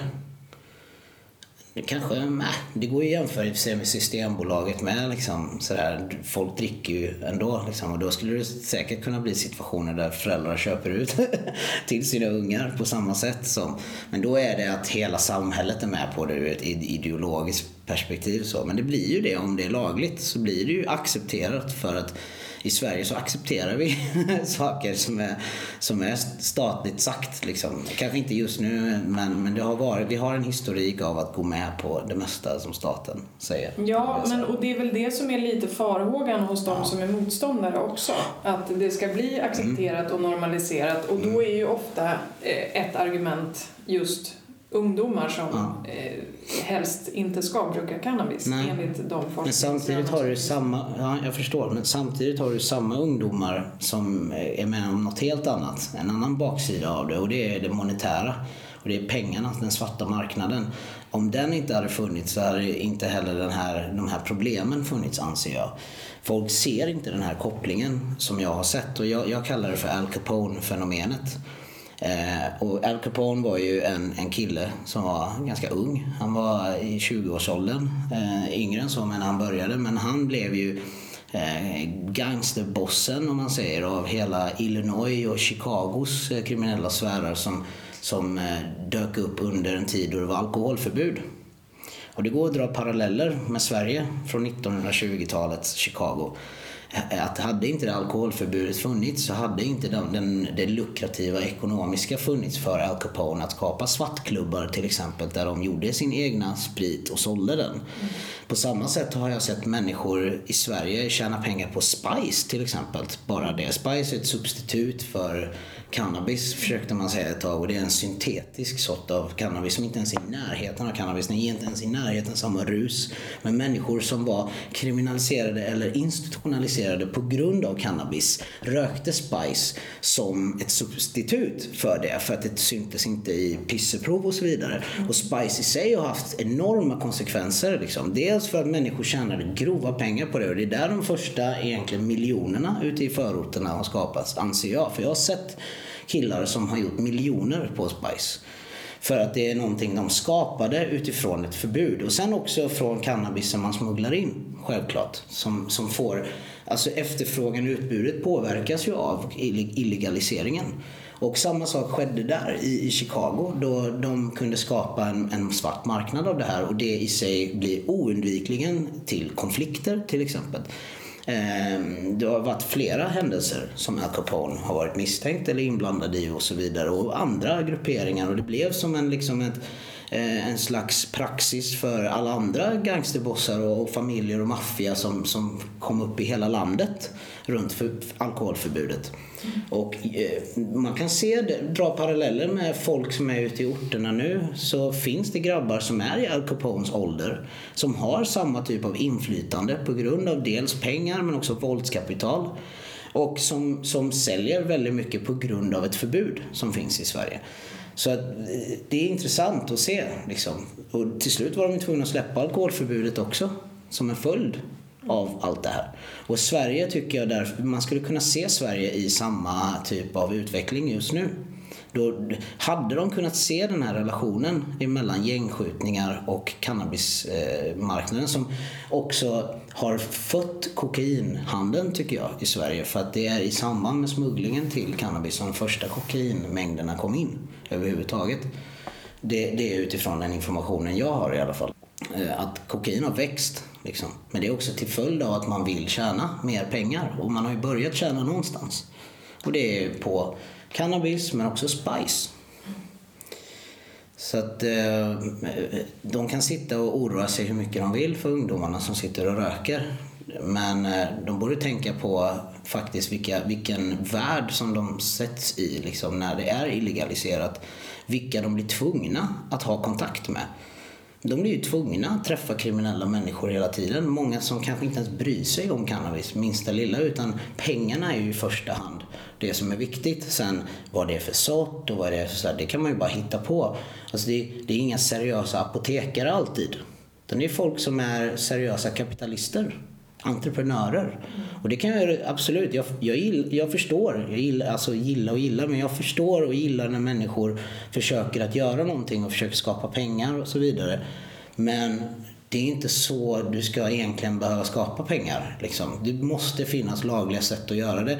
Och jag kan tänka mig att det finns folk där ute som har hur mycket pengar som helst nu Eh, på grund av den här handeln och marknaden som hade velat kunna investera det i, i vit handel, i, i, eh, i att skapa egna dispensaries eller odlingar som är lagliga och så vidare och verkligen kunna eh, också bidra till Sverige liksom, i form av skatt eller whatever. Liksom. Mm. Jag tycker att det är ett läge där man, man måste se vad som överväger det andra. Liksom. Vi kan sitta och prata hur länge vi vill om hur, hur, hur det ska påverka någons eh, psykiska hälsa men det är inte som att skottlossningar gör den psykiska hälsan mycket bättre. Mm. Och det kan påverka alla. Så att, eh, ja. Mm. Sverige ligger, alltså vi, vi är i ett läge nu där man måste börja titta på alla faktorer. Du kan inte blunda för den här faktorn. Och jag stör mig så mycket på det för folk bryr sig så mycket om att gå och rösta. Men de fattar ju inte liksom vad de röstar för heller. Jag är glad när ungdomspartierna börjar komma upp för de har förstått den här frågan. Mm. Vi har till och med fått med SSU nu i den här frågan. Det är det största ungdomspartiet. Och innan det var det väl eh, Centern och Liberaler och, och lite sådär. Ja, Eller några, några från Centern. Ja, Men ungdomspartiet Miljöpartiet var tidiga med det här. Ja. Och SSU nu då liksom. Vänstern kan vi inte förvänta oss att de, för de anser att man blir passiv av cannabis och vill ha ett arbetarsamhälle. Eh, det är den förklaringen jag har fått av Lars Ohly i alla fall, när jag, så som jag har kollat på det. Och det är också en sån här rolig grej för att jag vet människor som både jobbar bättre och kör bil bättre och allt möjligt bättre när de är, röker cannabis för att de kan inte fokusera annars. De har kanske någon bokstavskombination eller har depressioner eller något som de behöver ta sig igenom för att orka ta sig till jobbet överhuvudtaget. En annan sak folk inte tänker på vad cannabis gör är att det, det, det fixar sorgbehandlingen mycket åt dig. Alltså den hjälper dig i din sorg. Det är, alltså jag tycker det är nu skapat för sorg liksom. Det är verkligen, den lär dig att hantera den på ett så sunt sätt. Hur? Det, alltså vad den gör för det första är att den hjälper dig att glömma det lite grann kanske sådär för att du får fokus på andra saker. Men du pratar ju med dig själv i din sorg. Istället för att antingen fly från den. Det kan man ju göra. Det är ett alternativ vi gör som människor, att vi flyr från sorg. Eller så eh, förhåller vi oss till den på ett eh, dåligt sätt så att vi blir fångade av den. Vi fångas av vår sorg och den genomsyrar hela ditt beteende, hela ditt liv. Liksom. Energiskt också, för du blir love attraction. Liksom. Du, du får vad du tänker på hela tiden. Och så. Men den här den, den får dig att konfrontera båda de sidorna i cannabis och kunna verkligen förhålla dig på ett bra sätt alltså till din sorg. Liksom. Att um, inte ta den på det största allvaret kanske heller också en del men också lust att fortsätta, motivation att fortsätta att se någonting ljust i allt det här mörkret. Liksom. Eh, och det har jag känt att cannabis har hjälpt mig med till exempel. Mm. Ja, och sen är det väl också, det är viktigt att flika in också att cannabis påverkar, dels att det finns så många olika sorters cannabis som slår helt olika yep. och sen att det också är så att cannabis faktiskt interagerar helt olika med olika människor. Ja. Så cannabis är Även sorterna ja. faktiskt. Mm. Du kan få en sort som säger, det här ska ge dig det här och det här och det här. Du blir relaxed av det här, du blir inte lika pigg, det är mer body high. Ja. Sådär. Men sen så kan det vara något helt annat för någon annan. Ja precis, och det är ju som vilka kemiska alltså, mediciner eller vad som helst. Exakt. Och man måste testa sig fram väldigt försiktigt. Ja, och man allting. måste också vara tydlig med det att mm. ja, det är inte alla som hittar någonting överhuvudtaget i cannabis. Exakt. Och för vissa, i vissa lägen så kan det vara en väldigt dålig idé också. Ja. Så... Jag vet sådana som inte klarar av paracetamol. Eh, jag vet folk som inte klarar av alkohol ens i den minsta. Liksom. Ehm, så det är ju det man får kolla på. Det handlar om... Har du sett någon i din närhet, eh, eftersom du har rört dig mycket i den här typen av kretsar, har du sett något exempel alltså där cannabis har det är svårt? Det är svårt att göra en vetenskaplig liksom, undersökning av det för att det är för mycket variabler som finns där oftast. Och det är ju på grund av våran desinformation i hur vi ska bruka cannabis. Och det är ju mycket på grund av att vi röker för mycket. Så jag kan inte... Det är som att gå runt och ta en, göra en undersökning av massa patienter som har överdoserat. Ja. Och sen dra resultat från, eh, ja, men säga, ja, men, det- och sen säga utifrån det att den här substansen är, dödar alla. Det här är en, det här, det här är en överdossubstans liksom, för att alla som gör den tar överdos. Men då handlar det ju inte om substansen utan då handlar det om informationen kring bruket. Och var har vi fått vår information ifrån? Från filmer. Där man rullar upp en hel sån och röker skitmycket. De överdriver jättemycket i, i så här amerikanska Cheech and Chong och How High och massa sådana filmer man har sett, Half Baked. Det är ju de som också har gjort en mycket sugen på att testa och då gör man ju det exakt som de gör det. Röker stora jävla megaspliffer. Du behöver egentligen inte det. Du behöver egentligen bara rätt dos för rätt syfte vid rätt tid liksom. Och hade, hade alla de gjort det så hade, då hade jag kunnat göra en undersökning utifrån det. För då hade också kanske den här flippa ur-faktorn, eller vad man ska säga, variabeln där folk har fuckat ur, eller resultatet på många liksom. Den kanske inte hade funnits där överhuvudtaget.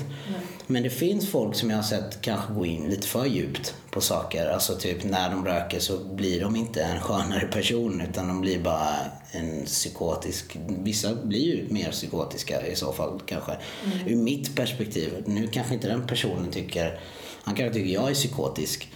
Så att... Eh, men också mycket i blandning tyvärr har jag sett för mycket. Så att jag kan inte liksom dra en rättvis... Eh, ett, ett, det finns inget rättvist resultat där för mig. Nej. Men nu när du sa det där med filmer så kommer jag att tänka på en annan fråga. Eh, därför att du har också pratat om, om jag har förstått det rätt så känner du lite extra för ungdomar på något sätt. Alltså Ja. du har jobbat med ungdomar, du har pratat om eh, din möjlighet att kunna påverka ungdomar och sådär. Eh, hur tänker du där när det gäller liksom ditt... Ja, hur ska jag formulera? Alltså din möjlighet att kunna påverka ungdomar Mm. och sen så nu till exempel sitter vi här och pratar om cannabis Mm. och är det någonting som du har funderat på eh, den biten? Förstår du vart jag vill? Ja, självklart tar jag ut det. Och jag vill, alltså det, allting för mig handlar om att ena överväga andra och så vidare. Det här, i första hand får vi inte glömma att cannabiskampen för mig är en mänsklig rättighetskamp för mig enligt. Och det handlar om alternativ till medicin. Att ha rätten till det, att vara, eh, att, att från en statlig nivå att vara väl informerad, väl eh, tillförd, tillförsedd med rätt saker och så vidare. Eller ett alternativ bara överhuvudtaget. Det handlar inte om att centralisera hela läkemedelsbranschen kring cannabis. Även om de är rädda för att det ska hända när det väl eh, släpper. Men grejen är att det är ju inte alls min liksom så. Utan för mig handlar det ju om just nu att det här är ett demokratiskt fel. Det är ett fel ur en demokratisk synvinkel. Så det är ju det, i första hand det jag vill förmedla till ungdomar. Att det handlar ju inte om att jag vill att du ska röka. Utan det handlar ju om att jag ska kunna ha en rätt och alla som du vet som kanske behöver det ska ha en rätt att kunna använda det. Sen om de blir sugna av det, liksom, det jag kan inte alltid tyvärr göra något åt det. Nej, såklart. jag kan bara försöka informera så gott som möjligt en för en. För att jag kan, det går inte ens att göra intervjuer. Du måste prata med personer en och en. Och jag kan se ibland ungdomar, unga ungdomar som delar mina grejer och sånt där när jag snackar om ganja och såna här grejer. Och kan väl känna lite så här, fan det är inte, jag vill inte att det bara är den här målgruppen liksom. Jag vill se många fler äldre som står upp, för det är ofta ungdomar som står upp för Kanada. De är inte rädda för att förlora något, de har ingenting att förlora. Liksom så här, ja, skitmycket så här sköna kids liksom som bara, de är 16, 17, 18 år hit och dit. Det, det är klart att det är mycket support därifrån för att det är ju ofta där, där de börjar känna det här som jag kände när jag var 16, 17 med. Eh, men det är ju inte, det, det är verkligen inte det som är mitt mål. Jag vill inte se massa kids gå runt och röka liksom. Det, jag hade velat se att de väntar och det är vad jag säger till dem en och en. Och jag pratar med folk och säger bara så att du vet liksom. Du vet, jag tycker inte att man ska överdriva det här. Du vet. Kan, det här. Jag säger alltid, det här är rätt, min rätt alternativ medicin. Det är ingen annat. Och blir det som, jag tror inte det blir som följd att folk överdriver. Kanske första två åren i ett sånt system så skulle folk kanske ha lite extra kul. Men sen så skulle nog faktiskt både missbruk och bruk gå ner lite grann. Mm. Det ser du i Portugal till exempel. När de legaliserade allting i stort sett. Och där kan du se hur missbruket har gått ner. Mm. Efter två år har man börjat kunna se det efter lite brus. Mm. Så har man kunnat se att okej, okay, nu är det här en stabil kurs neråt. Eh, och det är intressant. Liksom. För i Sverige kan det också vara väldigt mycket trotsgrejer som vi har. Alltså att kunna välja. Det är ju samma som att säga, ja men det är samma med den här Ja men typ som alkoholförbud, det är exakt samma grej där. I Sverige så kanske vi har druckit ännu mer, vem vet? Liksom. Det handlar ju om att det är coolt liksom och det är så här att gå emot någonting och lalala. Så att jag försöker att ta bort den aspekten så mycket som möjligt från det här. Även om man kanske leker lite med den för att man vill provocera också samtidigt. Det är ju det det handlar om. Självklart vill jag det för att jag vill eh, väcka en debatt. Eh, men jag får aldrig glömma att understryka det här att jag tycker det ska vara åldersgräns. Mm. För det är inte, och, och även det här du snackar om att du vet, om det blir en statlig medicinsk grej så, så är det ju så det kommer behandlas också. Mm. På samma sätt vad gäller strains och typer och, och syfte. Mm. Det är väldigt, väldigt viktigt att understryka hela tiden. Så jag försöker att göra det. Och jag säger det, jag har en låt som jag släpper eh, 7 juni. Nu vet jag inte när den här podden släpps. Men, typ 7. Ja, typ 7. Okej, okay, bra. Och den heter Min Ganja och handlar om just det här. Eh, och den gjorde jag i ett, i ett skede där jag ville befria mig själv också musikaliskt. Men sen kände jag, okej, okay, jag vill släppa den här också. Och jag vill gå ut med det här. Liksom. Jag gjorde den först för min egen skull. Och där pratar jag, det, det handlar om, det, jag drar upp aspekter som man kanske inte har dragit upp innan. Det är inte bara recre, recreational points utan det är eh, väldigt mycket just om, för medicin och rätt, rätten att kunna göra det. Liksom. Att alltid vara i knas på grund av det också. Jag, jag, jag säger, jag fattar inte, kan de inte låta mig vara alltid knas har jagat mig sedan jag var ett barn. De vill ha min ganja. Och det är ett sätt att eh, förlöjliga också situationen. Så här, de vill ha min ganja hela tiden och sjunger om att de vill ha, de vill ha, ha, ha, ha typ, de vill komma och ta mig och Och det, det är ett sätt för mig att eh, också förlöjliga eh, det, det de gör. Liksom, också. Men den är seriös, låten. Eh, och jag hoppas att eh, med videon som vi har lite vi har lite filmiska, eh, liksom, vi gör ett filmiskt försök att försöka förmedla känslorna med och skapa en empatisk länk till huvudrollen som, som håller på och säljer cannabis och så vidare och varför den gör det och så vidare. Det är ju också ett klassproblem i Sverige. Alltså, eh, finns det en svart marknad att tjäna ifrån och du känner att du inte kommer att få ett bra jobb så kommer du att gå till det. Mm. Och det är den aspekten vi har skildrat i videon. Så jag hoppas att det kommer fram och jag hoppas att man både ja, ser för och nackdelar på ett bra sätt. Liksom. Mm. Ja, eh, jag tänkte på, det var det jag skulle ställa frågan om, det här med film. Mm. För det pratade du om tidigare när vi hade vårt jättesnabba telefonsamtal, det här med romantiseringen från filmer och sådana mm. saker. Vill du säga någonting om det? Alltså hur du Tycker du att det romantiseras mycket kring cannabis? Och i sådana fall, vad är problemet med det tycker du? Alltså, det kan ju vara att de gör det för att, eh, för att det är liksom eh, tabubelagt lite grann. Så vill man överdriva sådär. Eh, jag vet inte vart det härstammar ifrån men det känns som att man eh, överdriver. Även i ruset, hur det blir och så vidare tycker jag alltid har överdrivits. Eh, speciellt om du kollar typ Half Baked. Då hade de en sort de sålde som fick folk att flyga fysiskt liksom. Och det har jag aldrig varit med om och kommer nog aldrig vara med om heller. Eh, det är inte, om det kanske har DMT i sig. Men jag har inte sett något sånt hittills. Så och det är ingenting man vill göra som cannabisbrukare heller. Det är inte, det är inte de effekterna du är ute efter. Så då kan det ju vara lätt för någon som inte vet ett skit om cannabis sitta och titta på det här och bara shit, det här är helt, de är ju helt konstiga. Allt det här är helt maxat och shit, blir man sån här när man röker? Istället för att bara visa den här, ja, men den här vanliga grabben som typ röker lite vape på morgonen innan han går till sin juridikutbildning liksom, och sitter där. Det får man aldrig se. Och att han är helt normal. Han kanske var onormal innan det. Då kanske han var roligare. Men sen röker han cannabis så blir han normal och liksom tråkig till och med. Det får man aldrig se. Eh, man får aldrig se någon som sitter och eh, utbildar sig själv i, i alla möjliga, allt från konspirationsteorier till läkemedel, till all information som du inte får från media.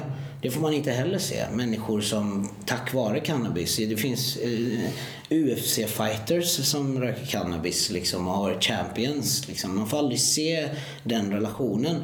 För att det inte heller är någon big deal kanske. Och det, det gör sig inte så bra på film. Och det är nog anledningen till varför man överdriver. Man gör nog det med allt i film. Mm. Och därför blir film också en, en så dålig källa av information. Liksom, riktigt dålig. Och människor tar filmer på allvar. De tror ibland att filmer är på riktigt. Och det, det är också någonting som är farligt liksom, eh, överhuvudtaget. Så självklart är ju ser jag det som något negativt liksom att, att man eh, skildrar cannabis på det sättet. Mm. Att man lär folk att, att eh, röka fel, tycker jag. Har du någonting som du tycker att vi har missat i det här ganska långa samtalet? Nej, jag tycker... Det finns väl alltid saker man kan lägga till och ta bort och sådär men jag tycker, det, tycker att det finns eh, ja, men jag känner mig säker i frågan. Liksom. Mm. Jag känner att jag har ett svar liksom, på det mesta och jag har gått igenom det här i så många år. Så jag är liksom, ja, men jag är nöjd. Mm. Så här. Det är mer om du har någon mer fråga. Nej, jag tror inte det. Vad, vad är drömscenariot nu när du släpper din låt? Vad önskar du? Vad skulle vara liksom den största triumfen om någon... En tanke som någon skulle tänka efter att ha hört din låt Min Ganja som skulle vara guld för dig? Alltså, vad jag vill skapa är en empatisk länk emellan människor som inte vet något om cannabis och människor som behöver cannabis för att överleva. Jag vill att människor ska öppna upp ögonen för den medicinska aspekten.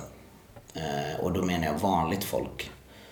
Eh, för att det må vara populistiskt, men det är inte öppet populistiskt. Och det är ett stort problem för mig. Det blir lite som att om ett träd faller i skogen och ingen hör, om ingen hör den falla har den gjort ett ljud. Och det är lite där vi är. Ehm, människor har hört trädet men de vill inte erkänna att de har hört den falla. Så där står vi med eh, en minoritet av människor som står, eller kanske till och med hälften av dem. det är ingen minoritet, en, mindre, en liten, liten minoritet. men en stor liksom, andel som står och säger, vet att det har fallit. Vi har hört det falla men alla säger nej. Och så står det en ännu mindre så minoritet och säger jo men vad fan vi hörde ju den falla. Du hörde ju också den falla. Nej det gjorde jag inte alls. Och då har ju inte trädet fallit vinnaren i den procentuppdelningen, eh, liksom, den gruppen som är vinnarna, liksom, de, de, de får skriva den historien. Och eh, eh, för mig handlar det verkligen om bara, jag hoppas att det är ett, ett, ett frö liksom, av inspiration till en, eh, någon politiker eller någon eh, på människor på, alla de som är i den befattningen av att kunna tjäna pengar på illegaliseringen, att de förändrar sitt sätt att se på det. Eh, men det tror jag inte och ska inte hoppas på heller. Det är för mycket att hoppas på för att pengar kommer alltid styra många människor. Men den vanliga människan blir mer öppet populistiskt lagd kring det här hade varit bra. Att våga att, att liksom mammor och så vidare och sådana börjar förstå liksom andra mammor som typ har haft barn som har blivit som den här mamman som hade eh, gett sitt barn CBD mot epilepsi mm. och epilepsin hade gått bort. Mm. Det är skitfett när jag ser typ Nyheter 24 eller något annat. Skulle jag se liksom medialt i Sverige, det skulle vara riktigt drömscenario. Att vi börjar fostra liksom våra medborgare i den sanna bilden av det och de medicinska aspekterna. Det är verkligen nummer ett. skiter jag fullständigt i recreational usage. Jag måste fan inte ens röka egentligen känner jag. Så länge jag bara vet att människor har rätt. Typ att, att eh, medicinskt använda det. Liksom. Eh, jag hade kunnat stå för det här även om jag inte eh, gjorde det. Men åtminstone ha en erfarenhet av det kanske hade underlättat i det läget. Men jag hade velat se fler som aldrig har gjort det stå upp för den mänskliga rättsaspekten av det. Det hade varit jävligt fett. Och det är det som vi verkligen måste hela tiden understryka med det här. Alternativ rätt till medicin. Mm. Det är ju en eh, ganska fin avrundning, eller? Mm. Jättetack för att du kom hit. Tack själv för allt. Tack för att du har lyssnat. Blev du sugen på att höra min ganja så är det bara att ratta in på Spotify om du inte redan är där vill säga. Vill du komma i kontakt med mig är det lättast att skicka ett mejl. till cannabispodden gmail.com. Vill du stötta podden via Swish är numret 0702 88 11 59. Länkar till Paypal och Patreon finns i texten här under. Stort tack! Och du, om du gillar det här avsnittet, glöm inte att sprida i sociala medier. Tack, tack!